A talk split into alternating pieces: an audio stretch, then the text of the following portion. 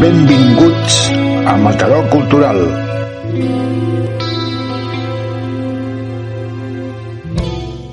Mataró Cultural torna novament per seguir portant el món de la cultura a tots els que ens escolteu.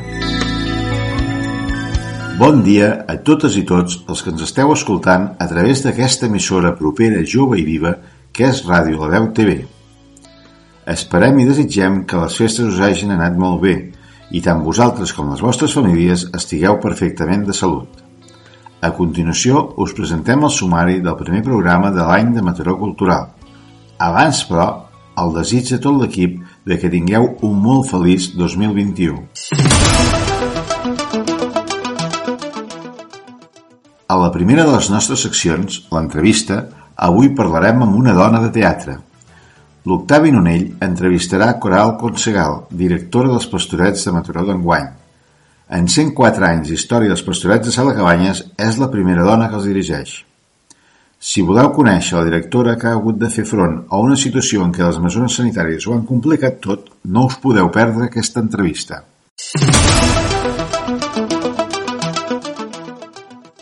Seguidament, una nova edició de l'espai El foment de la lectura, que, com és habitual, vindrà de la mà del nostre col·laborador, el senyor Joan Balaguer, de la llibreria El Tramvia, que avui ens presentarà quatre llibres que parlen de la història de la ciutat i també de la seva gent, i un de molt especial.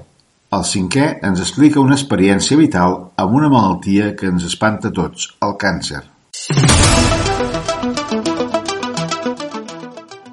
Com fem a cada programa, donarem la veu a una nova entitat, Avui és el torn de l'associació Llibre Viu. Per conèixer l'activitat de l'entitat, l'Albert Gironès conversarà amb Lluís Mas, que n'és el president. Es tracta d'una entitat que trobem al barri Rocafonda, però que la seva activitat i les seves accions van dirigides a tota la ciutat.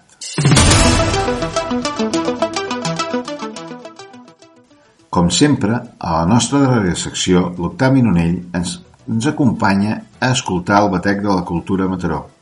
En aquesta ocasió, l'Octavi ens explicarà com veu la festa dels Reis. I fins aquí el sumari del programa número 29 de Mataró Cultural, que s'emet quinzenalment a Ràdio La Veu TV. Comencem, doncs, amb la primera de les nostres seccions, l'entrevista. Com hem avançat al sumari, la protagonista d'avui és la Coral Consegal, primera dona directora dels Pastorets de Mataró, que a més ho fa en un any marcat per la Covid-19 i les mesures que les representacions culturals estan obligades a prendre. Benvolguts seguidors de Mataró Cultural. Avui en l'espai de l'entrevista parlem amb Coral Consegal, la nova i flamant directora dels Pastorets de Mataró, que ens vol fer veure d'alguna manera l'estel de Mataró eh, d'una manera que no l'hem vist mai. Hola, Coral. Hola. Eh, per començar, explica'ns, qui et va proposar aquesta aventura? Doncs mira, em va venir la, la notícia de, de veu de la presidenta de la Sala Cabanyes, que la Junta va sortir el meu nom per dirigir i m'ho va, m'ho va proposar directament. Així, sense directament. Embuts, sense embuts. Sense embuts, ni preliminars, ni res. Res de res. Està bé, això. Pel que sé de tu, ets un amant dels espais lliures, eh, almenys així m'ho sembla, i clar, les tasques de, de teatre, proves, etc ocupen, ocupen molt, molt, molt de temps, eh, són moltes hores. Eh, aquesta, aquest sacrifici, d'alguna manera, és conseqüència de la teva afició als musicals, la música? Sí, sí, sí, està, sí que m'agrada molt els espais lliures, m'agrada molt la natura, m'agrada molt anar, anar a caminar, estar, estar fora, respirant aire, però sí que la meva afició als musicals mm, m'ha fet que estar tancada en un teatre no, no suposi cap mena de, de problema i al contrari és una satisfacció molt i molt gran. Molt bé, però escolta, mm, són més de 100 anys d'història d'aquesta obra i ets la primera dona que dirigeix els pastorets. Eh, molt significatiu. Sí, Eh. bueno, és, és, és, és important. Uh, a mi m'agradaria que, que quedés una mica com l'anècdota, no? De, sí, sóc la primera, em fa molta il·lusió, però no, no seré la última i encara que ha vingut tard eh, ja tenim dones dirigint, que, que és l'important i, i segur que en vindran més darrere. Però ets conseqüent de que d'alguna manera has fet història amb això, no? Jo crec que ara no gaire. Ara no... Sí que, sí que soc conscient de que és un fet important perquè no, no havia passat mai, però conscient de que és un fet important o, o històric, si volem fer-ho així com més gran, jo crec que encara no. Amb, amb la perspectiva dels anys ja ho veuré diferent, suposo. Jo suposo que sí, però, però jo hi insisteixo. Fixa't tu que eh, han passat altres directors, per exemple, per dirigir aquesta obra i potser no se'ls ha fet cap entrevista i a tu tots ens hem volcat d'alguna manera precisament per aquest fet diferencial. Sí, suposo, bueno, suposo que sí que, que de cara a, a la resta de gent és uau, una dona dirigint els pastorets, quina novetat, perquè ho és, no, no ens enganyem, ho és, eh? Però de cara a mi, a, Ah, com la coral, bueno, ho veig que, com una nova direcció, ho veig més com, a, com una nova direcció de pastorets, una altra manera de, de veure els pastorets i un, i un nou enfoc, un, un nou punt de vista, simplement.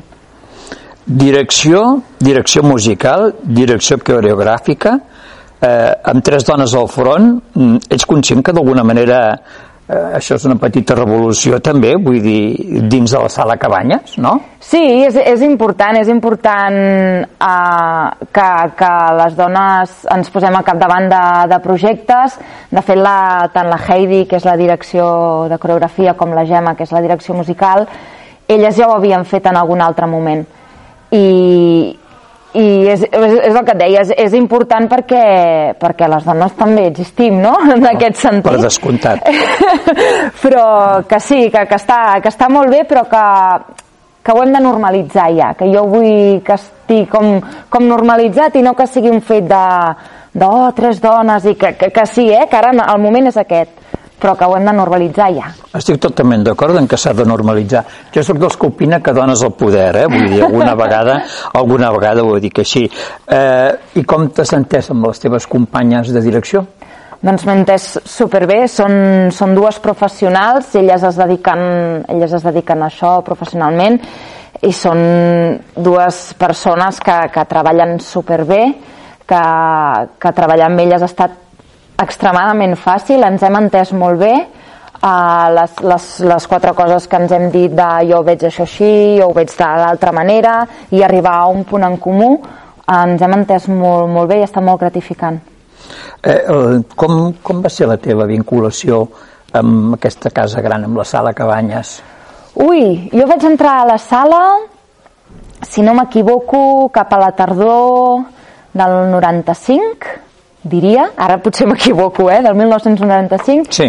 i, i vaig entrar de mà d'una companya de l'escola, que, ella, que ella corria per aquí, i a unes quantes ens va dir, ei, per què no veniu a, a fer teatre? I vam venir unes quantes, i fèiem uns, sí, fèiem uns cursets de teatre amb l'Encarnita, amb Pem Plaza, amb Mia Castellví, en, en Joan Peran, i a través dels, dels cursos i dels pastorets, doncs, aquí em vaig quedar. I com ha estat la, no sé, la, la teva relació amb les companyes, temes de responsabilitat, clar, d'alguna manera el, el director de vegades s'ha d'imposar, no? Vull dir, ha de marcar... Sí, el, el, direct, el director marca, marca una línia.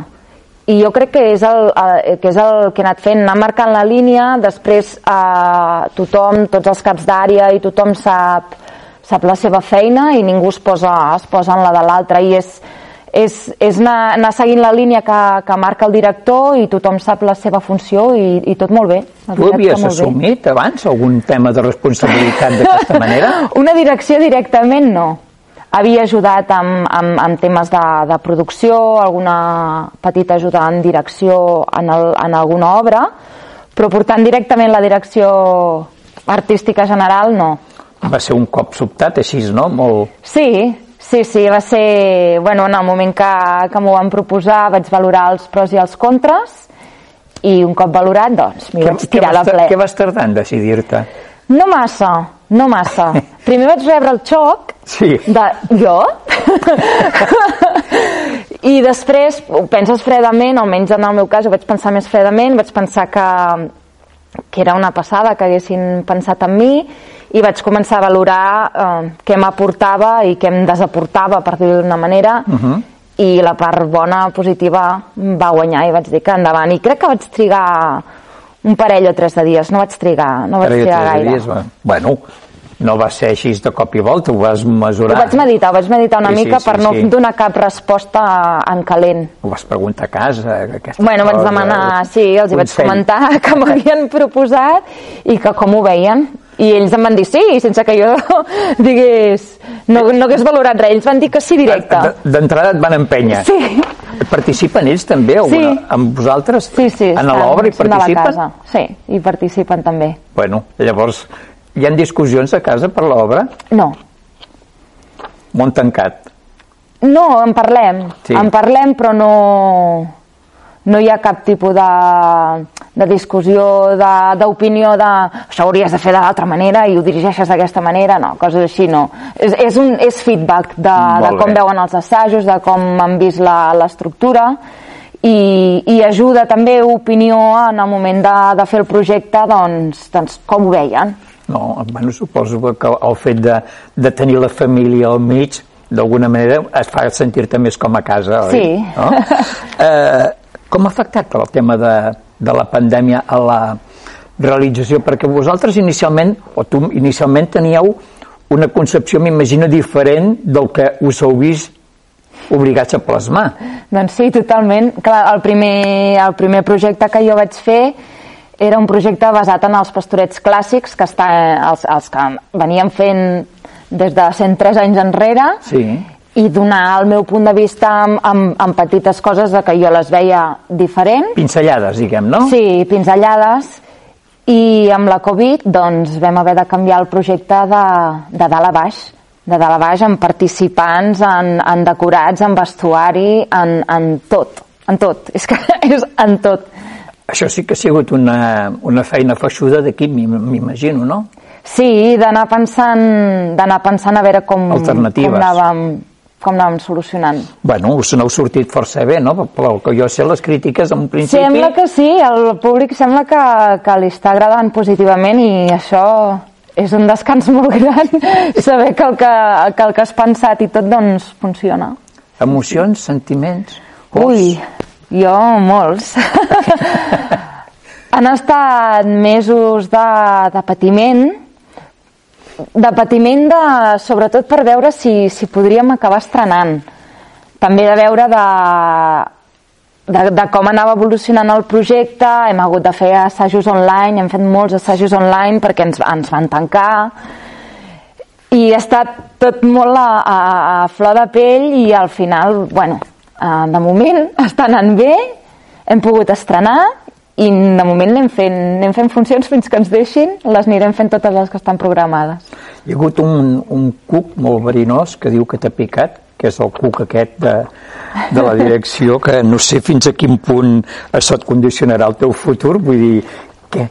T'ha No sé, t'ha- ara... quedat, t'ha quedat a dins, això, el cuc? M'ha agradat, T'ha agradat? m'ha agradat. La veritat és que, és que m'ha agradat. Ha estat un, un, un procés mm, que era desconegut per mi i m'ha agradat, però no sé...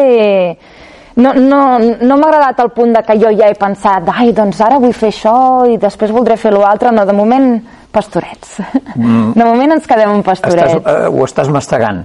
Sí, sí, vull disfrutar de- d'aquest Sí, sí, sí, moment sí. de pastorets No, no, no. i més endavant ja veurem, a mi m'agrada molt trepitjar l'escenari, molt, molt, molt, molt, i Mhm. tot i que estic supercontenta d'haver dirigit els pastorets, se'm fa molt estrany no estar sobre l'escenari aquest any, Trobes a les funcions. Sí, una miqueta sí. Jo sóc rata d'escenari, a mi m'agrada. m'agrada trepitjar escenari. Molt bé. I, I quins projectes tens a futur? Doncs perquè, clar, eh, no tens projectes de direcció. De direcció però... no. De, com a actriu, en principi aquest any, si tot va bé, em, em toca fer de, de Fantina al concert dels Miserables, que farem cap a l'abril, Sí. si no, si no m'equivoco, i després també, si tot va bé, em toca fer de, de Mary Poppins a Mary Poppins que farem per les, per les fires. O sigui, feina en tinc. Tot feina això en tinc. condicionat també a la situació. Totalment. Per Que això he dit si tot va bé.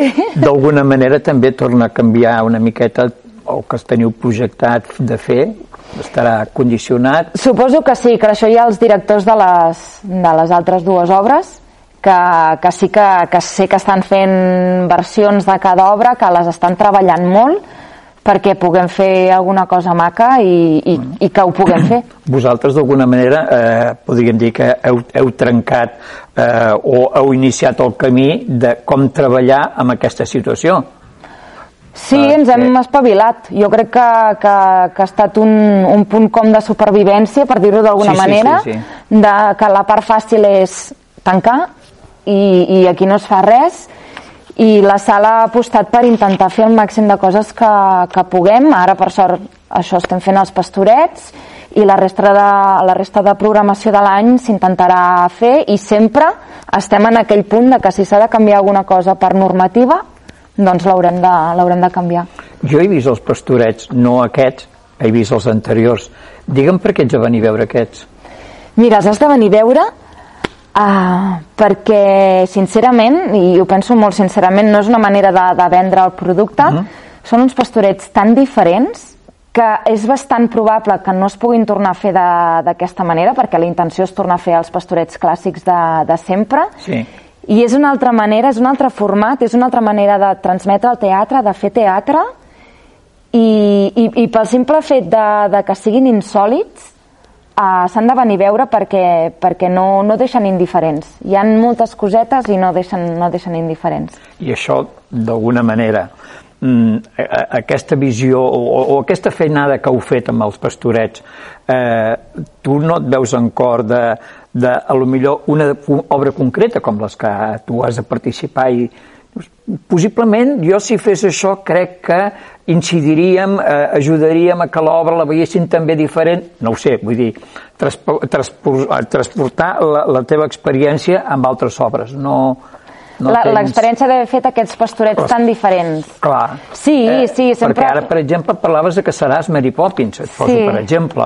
Clar, el Mary Poppins que teníeu previst o que haureu assajat no té res a veure amb el que podreu fer. No, no tindrà res a veure.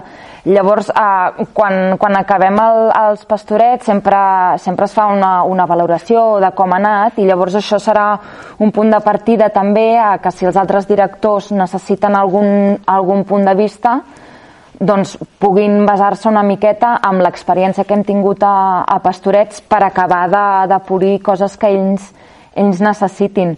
Però ho han pensat, eh? O sigui, que crec que no necessiten uh, la versió de Pastorets per, per, fer la, per, per fer la seva obra, perquè hem pensat diferents versions de cada obra, o sigui que no és, no és allò que diguis, no és que en tenim una i estem aquí acotats, no, s'han pensat diferents versions i segons la normativa, doncs, Suposo que això eh, és conseqüència de que, de fet, a la sala Cabanyes sou una gran família, sí, no? sí, sí, sí que ho som. La veritat és que és, és la, jo crec que per la gent, per tots els que formem part de la sala, és, és la segona casa, Molt bé. totalment. Molt bé, doncs eh, desitgem que l'entrevista que hem tingut amb Coral Consegal eh, ens hagi servit a tots per conèixer la nova directora dels Pastorets i ens hagi engrescat a veure eh, l'estel de Natzaret d'una manera eh, diferent a com l'havíem vist fins ara. Eh, a part d'això, doncs, no em queda res més que donar-vos les gràcies des de Mataró Cultural i sobretot que ens seguiu per les diferents xarxes per anar seguint les actualitats del món cultural de Mataró. Moltes gràcies. Després d'escoltar l'entrevista d'avui, el nostre col·laborador habitual, el senyor Joan Balaguer, ens portarà, com sempre, una selecció de llibres. Avui, com hem comentat al sumari, ens porta cinc llibres, quatre que parlen de Mataró i la seva història i un cinquè que ens explica una vivència vital d'un pacient de càncer. Bon dia, sóc en Joan Balaguer de la llibreria El Tramvia de Mataró i avui presentarem cinc llibres. Pràcticament tots són eh, recents, han sortit fa molt poc, eh, i tots ells eh, són sobre Mataró, d'una manera o d'una altra. A veure, el més maco en quant a fotografies, volum, etc., es diu la producció vidriera al Maresme. Eh? És la història de una cooperativa molt especial que hi havia a Mataró, estem parlant de fa més de 100 anys o d'abans de la guerra ja, eh? amb el qual aquesta cooperativa feien moltes coses de vidre. Eh? De vidrio, diciéndolo en castellano, eh, fabricaban pues de todo, de todo, de todo tipo y era importante y había muchos eh, trabajadores que eran de la cooperativa. El porta la història, porta fotografies, eh, inclús per les fotografies que es veu inclús després de la guerra va continuar una sèrie d'anys eh, a Mataró porta fotografies eh, tot, en fi, de papers per dir-ho d'alguna manera com treballaven fotografia inclús en, foto, en, en color eh? perquè hi ha una sèrie de en fi, d'elements que tal que es guarden de vidre i eh, es guarden. Explica tota aquesta història. El llibre és gran, molta fotografia a color, realment eh, és un bon llibre. Repeteixo, es diu La producció vidriera al Maresme. Molt bé. A continuació, també traiem un llibre sobre la història de l'Hospital de Sant Jaume i de Santa Magdalena ho diguem tot eh? eh aquest eh, hospital hasta que va passar eh, on tots coneixem eh, on està l'hospital eh, l'antic hospital de Sant Jaume eh, va durar des de 1644 fixeu-vos bé la data que jo he dit 1644 fins a l'any 1998 o sigui podem veure quatre segles i que era l'únic hospital que tenia la nostra ciutat. Molt bé, el llibre és gran porta fotografies documents en fi, un llibre històric per dir-ho d'alguna manera del mateix estil del que hem parlat de el de la vidriera fa un moment. Per últim no, per últim no, el tercer volia dir. Mireu, és un premi. La Fundació Iluro donen cada any un premi amb un llibre. Aquest any van donar un llibre per un llibre molt antic molt antic. Eh, aquest premi el van donar com a accèssit a l'any 2019 i ara s'ha tret com a llibre eh, tracta sobre un poeta de Mataró que es deia Joan Pujol.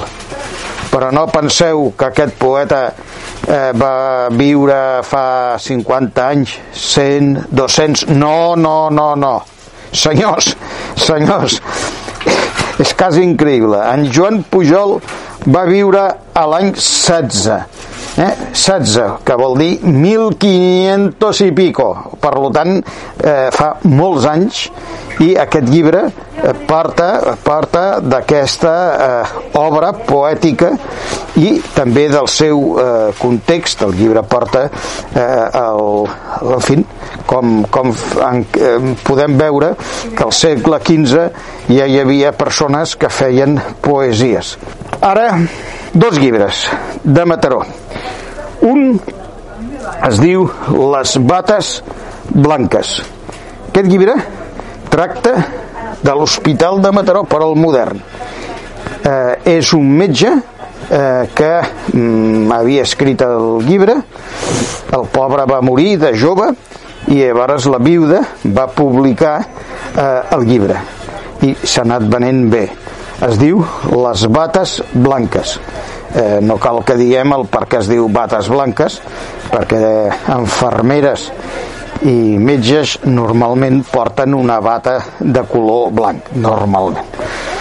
Per últim, aquest senyors és el darrer llibre de la Pilar González Agapito, coneguda, jo diria que quasi tothom de Mataró coneixem qui és la Pilar González Agapito.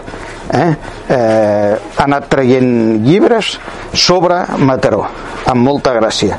Cal dir que els seus llibres tenen molta gràcia, en part, en part, les magnífiques fotografies antigues que porten, eh? que són aportades per al seu marit i possiblement familiars que tenen eh, potser els millors fotografies històriques de la nostra ciutat.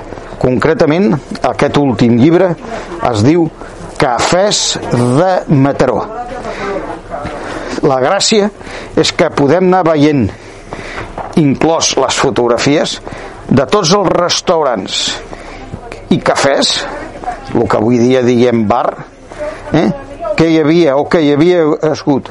Té la gràcia que hi ha persones, hi ha embanyats com jo, que miren aquestes fotografies i diuen Goita, goita, saps qui és aquest? Si aquest era el tiet, aquest era l'avi, goita, goita, segur, mira tu. Molt ràpid, dic els cinc llibres de Mataró que presentem. El de la fàbrica del vidre, la història de l'Hospital de Sant Jaume, el premi que van donar al poeta Joan Pujol, el llibre de les bates blanques dels metges i per últim les cafès de Mataró. I per avui hem fet una presentació. Moltíssimes gràcies. I fins aquí la secció Foment de lectura d'aquesta setmana.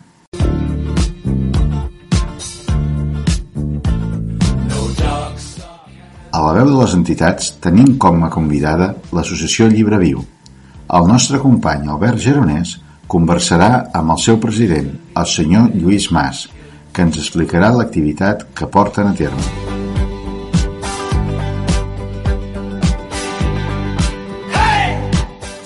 Hola a tothom, un cop més tenim el, el plaer de portar, compartir amb tots vostès aquest espai de Mataró Cultural. Avui aquest espai està dedicat a donar veu a una entitat molt arrelada de la nostra ciutat. Es tracta de l'associació Llibre Viu. I amb nosaltres es troba el seu president, el senyor Lluís Mas. Hola. Hola. Bé, comencem sense més preàmbuls aquesta entrevista i senyor Mas, ens podria explicar vostè quan, com i per què es va crear l'associació Llibre Viu? Aquesta associació es va crear eh, l'any 2002 eh, per una colla de gent d'aquí del barri, de, entre Rocafonda i Ciutat Jardí majoritàriament, mm, amb l'anel, amb, amb, amb l'objectiu de proveir el barri d'una entitat cultural que en aquell temps no tenia res, el Rocafonda. I es va, eh, es va pensar amb la idea de formar doncs, o de fer una petita biblioteca eh, que fos accessible a tothom amb cost zero que no tingués que ningú tingués de, de pagar cap res per accedir en els llibres. I eh, amb aquesta idea es va, va, sur va sortir la idea de l'intercanvi. O sigui que qualsevol persona portés un llibre i gratuïtament el pogués canviar per un altre. Eh, aquest era un barri que estava una mica deixat i per això es va decidir doncs, fer-ho en aquest barri de, de, de Rocafonda molt bé, o sigui, per, tant es, tra es tractava eh, abans d'aquesta pandèmia i durant tot aquest període de, de temps de tenir una recepció de llibres i, i un intercanvi de llibres, si no ho entès malament. Sí, la, la, inicialment era un intercanvi prou, però eh, amb el temps eh, vam començar a tenir ofer ofertes eh, de gent que mm, es volia treure llibres de sobre de, per, per diversos motius, perquè canviaven domicili o perquè eh, no hi cabien a casa, etc etc. i a part de l'intercanvi ens vam convertir ja en un centre que de referència per portar llibres eh, mm, per portar llibres aquí, aquí, no? aquí sí ah, molt, molt, molt bé uh, dintre aquest espai que com vostès més endavant veurem amb el vídeo que sortirà editat a l'espai de Cultural de Ràdio La Veu de Cerdanyola eh, podran veure que estem envoltats en aquests moments de capses això sembla una 13 potser no massa però, sí. però és, el, és el, el, el sentit de, que implica llibre viu llibres que s'emmagatzemen i després automàtica, eh, automàticament al cap d'un temps, quan hi ha suficients, s'envien eh, a, altres, a altres països. D'això en parlarem més endavant. Però eh, amb aquest, aquí, amb, amb aquesta biblioteca estant, plena d'estanteries, qui, quins són els llibres més sol·licitats que, que, es, poden, que es poden donar amb aquests...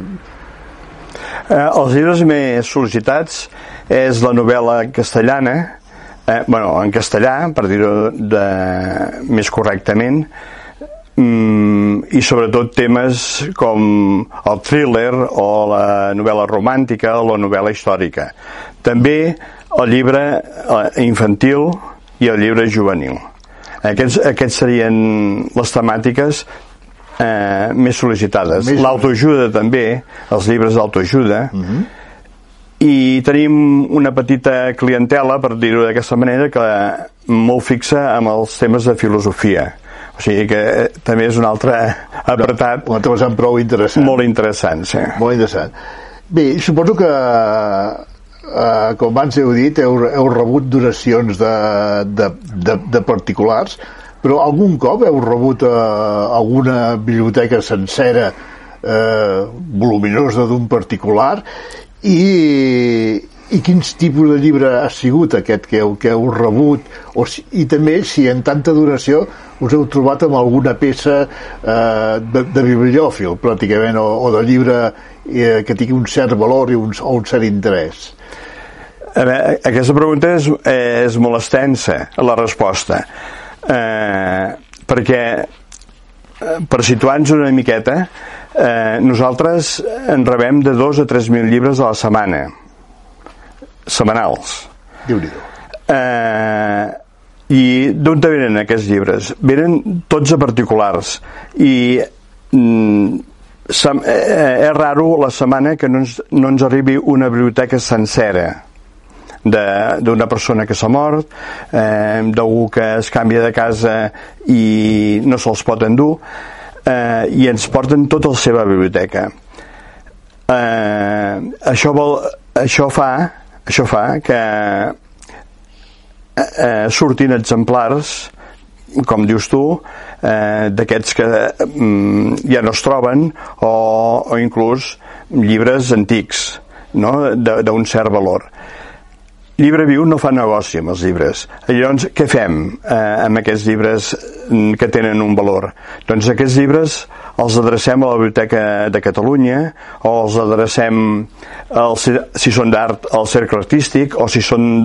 Eh, bueno, segons la temàtica els adrecem a, una entitat, a alguna entitat perquè estiguin a l'abast de tothom i si fan referència a Matró doncs eh, en l'arxiu municipal de Matró o la, a la biblioteca eh, a l'arxiu de Santa Maria, etc etc. Molt bé. Heu mencionat la paraula biblioteca. Aquí a Mataró en tenim unes quantes de, de biblioteques. Eh, manteniu relació amb les biblioteques de, de Mataró? Eh, tenim molt bona relació amb les biblioteques de la ciutat, eh, especialment amb l'Antoni Comas perquè és la de més proximitat, no? Eh, per, per posar un exemple, quan celebren eh, l'any Punsola, per dir-ho per posar un exemple, eh? eh? i ens demanen llibres sobre aquest poeta, doncs eh, nosaltres eh, busquem tots els llibres que tenim els facilitem perquè puguin fer la seva exposició. També eh, col·laborem amb, amb altres temes, mm, si, si necessiten algun llibre doncs eh, se'ls eh, se hi facilita i eh, per part com a mostra de col·laboració doncs ells quan reben eh, llibres de, de particulars ens els deriven a nosaltres. Vull dir que és una relació molt bona. Molt bona, molt bé, i fluida i, i força interessant. Abans, eh, quan estàvem parlant heu, cit, heu citat que aquí teníeu llibres de, de filosofia i que hi havia una certa demanda en llibres de filosofia. Esteu en contacte amb, amb algun grup de filosofia eh, de la nostra ciutat o de fora de la nostra ciutat? Eh, de la nostra ciutat no. Tenim mm, mm, usuaris de Mataró que eh, venen a buscar-nos llibres de filosofia perquè és eh, és una temàtica que es pot consultar a través de la nostra web i per tant eh, mm, quan algú busca algun llibre de filosofia nosaltres, eh, i, i si, si nosaltres el tenim apareix en, en, en, a, a internet. Sí tenim una relació molt directa amb l'Escola de Filosofia de Sabadell. Molt, molt bé. Uh, aquí estem envoltats, com hem dit abans, em penso, de, de, de, de, de, de capses. Això vol dir que hi ha algunes capses que més tard o més d'hora sortiran d'aquí perquè se n'aniran a altres països, m'imagino. Eh, sabem que, que envieu forces llibres a Amèrica, a Amèrica Llatina. Ens pot dir en quins països són els receptors i quines són les entitats que allà reben aquests llibres? Eh, aproximadament un cop a l'any. Aquest any, el ser atípic, eh, ha quedat així més, eh, una mica penjat perquè el, el, com sabem tots el, el coronavirus afecta tant aquí a Europa com a Sud-amèrica. I el, eh, els països de recepció també tenen les seves limitacions i també tenen les seves eh, fronteres tancades i per tant no, no permet l'enviament de llibres. Actualment tenim 47.000 llibres preparats eh, a unes dependències municipals eh, per anar cap a Paraguai a la que la, el govern de Paraguai doni permís sortirà un contenidor cap allà amb 47.000 llibres. Déu nhi eh, Paraguai és el, el, el país de més destinació. Eh, tenim un, un conveni firmat amb el govern de Paraguai per mm, durant 3 anys enviar 150.000 llibres en aquell país. Però també com, eh, col·laborem amb Nicaragua també col·laborem amb la República Dominicana eh, i eh, a més petita escala mm, amb altres països. Molt bé, molt, molt interessant i, es, i esperem que aquests llibres, aquests 47.000 llibres que es diu aviat, puguin, puguin anar cap a, cap a Paraguai i així assolir aquest compromís i aquests objectius que, que, us, heu, que us heu proposat. Bé, en aquest moments estem vivint uh, una pandèmia, un moment, un moment complicat, greu per tothom. Uh, com us ho feu? Quines mesures de seguretat? Perquè això s'està ara està semi-obert, obert, tancat. Com esteu en aquests moments? En aquests moments, per desgràcia, tenim el, el local tancat. Eh, perquè no som un servei essencial, per una banda, i, i segona perquè la majoria dels eh, voluntaris de Llibrediu és personal de risc. I llavors eh, això fa que estiguem en l'últim esglaó de, mm, de l'escala aquesta per poder tornar a l'activitat normal. Mm, però entre, eh, entre mitja de la primera onada i la segona, per exemple, eh, les mesures eren les habituals a qualsevol establiment. Eh, mascareta, eh, rentat de mans i distància. Sí, sí, com ara, dir... com ara ho estem fent aquí nosaltres, sí, que, ens, després... que ens hem, ens hem tret la mascareta per poder-nos poder... entendre millor, però un cop acabem l'entrevista automàticament posarem... Llavors, Per altra banda, els llibres els, els fem passar una quarantena, que és tots aquests llibres que, que tinc a, a la meva esquena. Això són llibres que han entrat durant aquests últims temps, abans que tanquéssim, i han d'estar han d'estar 15 dies eh, en quarantena. Tots aquests llibres estan... O sigui, 15 dies en què on ningú els pot manipular. Ningú, ningú els pot manipular. Bé, uh, escolteu, uh, també heu parlat que teniu molt llibre, uh, molt llibre infantil. Uh, com voleu donar sortida a aquest llibre infantil? Sí, eh, tenim un, es, un estoc important de llibre infantil i juvenil que pensem que seria molt interessant eh, que pogués eh, arribar d'alguna manera a llars d'infants, a guarderies, eh, a escoles, a instituts, eh, tant de Mataró com de la comarca.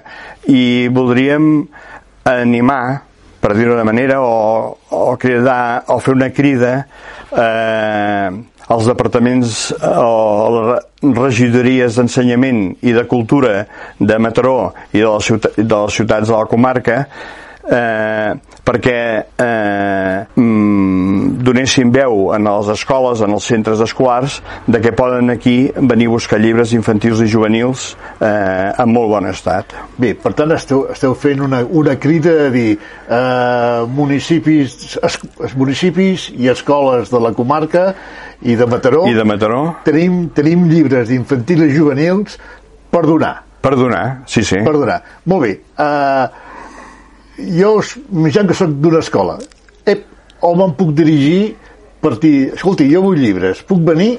Uh, a quina adreça m'he de, de dirigir?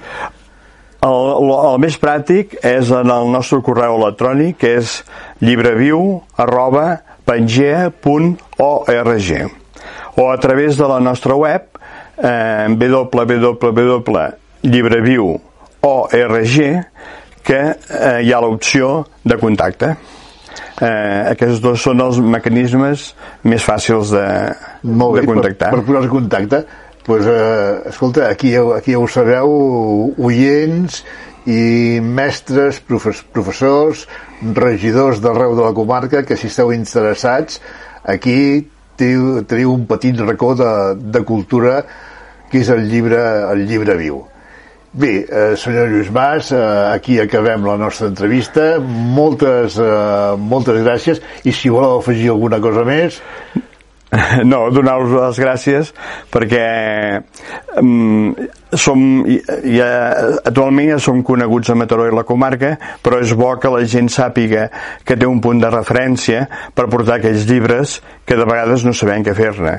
I, I aquí Llibre Viu seran molt, molt ben emesos aquests llibres molt, i amb la tranquil·litat per les persones que se'ls donarà una segona oportunitat eh, ja sigui enviat a l'estranger o per l'intercanvi que fem aquí a Llibre Viu.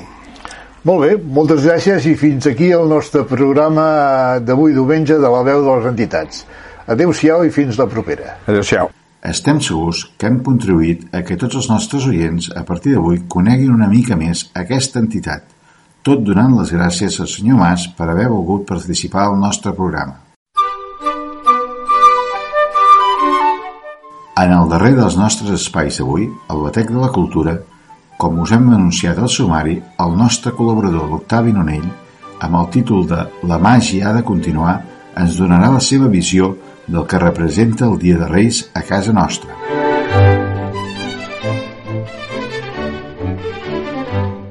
Hola, benvolguts seguidors de Mataró Cultural, benvolguts seguidors de Batec de la Cultura. Permeteu-me que en nom de tot l'equip us desitgi un feliç any nou. La cultura, moltes vegades, ve lligada i s'alimenta de les tradicions. Centenars d'obres d'art, pintures, escultures, poemes, cançons i composicions musicals han tingut les seves arrels en tradicions populars. La Diada de Reis n'és una d'aquestes, una diada enmarcada dins de la religió, però que fa aflorar il·lusions i sentiments envers els més menuts de la casa. Una diada esperada, però aquest any una diada diferent. Els preliminars d'aquesta diada, que començava a escalfar motors, tradicionalment amb la Fira de Santa Llúcia o Fira d'Ornaments i Pessebres, no es va poder celebrar per les mesures de seguretat imposades per combatre la pandèmia. Les típiques celebracions i reunions també hem vist escapçada la participació dels nostres familiars, diguem-ne, de segona fila, aquells que no viuen directament amb nosaltres. Fins i tot, el parèntesi més informal que hi havia entre els preliminars i el moment més entusiasta que posava la cirereta a la Diada de Reis, la celebració de Cap d'Any, i tota la seva disbauxa i la gresca que l'acompanyava, han vist restringides les expectatives de festa grossa, limitant-se a una celebració de nucli familiar i també, això sí, a un brindis carregat de bons desitjos sempre a través de les pantalles dels mòbils o de xarxes de missatgeria. Però la Diada de Reis o la nit més màgica dels infants no pot veure's limitada per una pandèmia. Com diuen els sectors afectats per algun fet desafortunat, l'espectacle ha de continuar. Per això, les administracions municipals, en major o menor fortuna, aquí quasi no m'atreveixo a opinar, han fet els seus muntatges substitutoris per mantenir la flama de l'alegria i la il·lusió dels infants. A Mataró en concret, i amb tota la seva gestió vinculada a la cultura des de l'inici de la pandèmia, van començar amb un desgavell, mala organització i mala planificació, Sort en tenen de la paciència dels pares i de les seves ganes de dur els nens de la casa a veure a ses majestats vingudes de l'Orient. La feinada per mantenir viva la màgia de la nit de Reis de ben segur que per a molts no haurà estat senzilla. Si els infants són petits, són més fàcils de convèncer i conformar. Criatures de 3 o 4 anys són fàcilment emmollables i accepten les nostres raons i explicacions amb els ulls clucs, però no és tan així amb els infants que ja tenen 7 o 8 anys. Aquí segur que els pares hi hauran hagut d'esmerçar esforços i capacitat d'imaginació i inventiva per explicar una situació que fins i tot nosaltres mateixos no acabem d'entendre. Sigui com sigui, amb una sabata i una espardenya, entre tots hem posat el nostre granet de sorra per mantenir la màgia de la nit de Reis, tan vinculada a la nostra cultura i les nostres tradicions. Una màgia que neix i flueix no de ses majestats vingudes de l'Orient, sinó dels petits reis que tenim a casa nostra, que bocabadats i amb els ulls com plats escolten les nostres raons i les nostres històries, fent-nos saber els seus desitjos en petites confessions secretes entre ells, pares i avis. Els infants, aquests són els veritables reis, i això ja no depèn de les nostres cultures o tradicions. Els infants són els reis en quasi totes les cultures, independentment de les seves creences. Els reis de la innocència, els reis que ens fan més feliços, els reis de la casa. Moltes gràcies.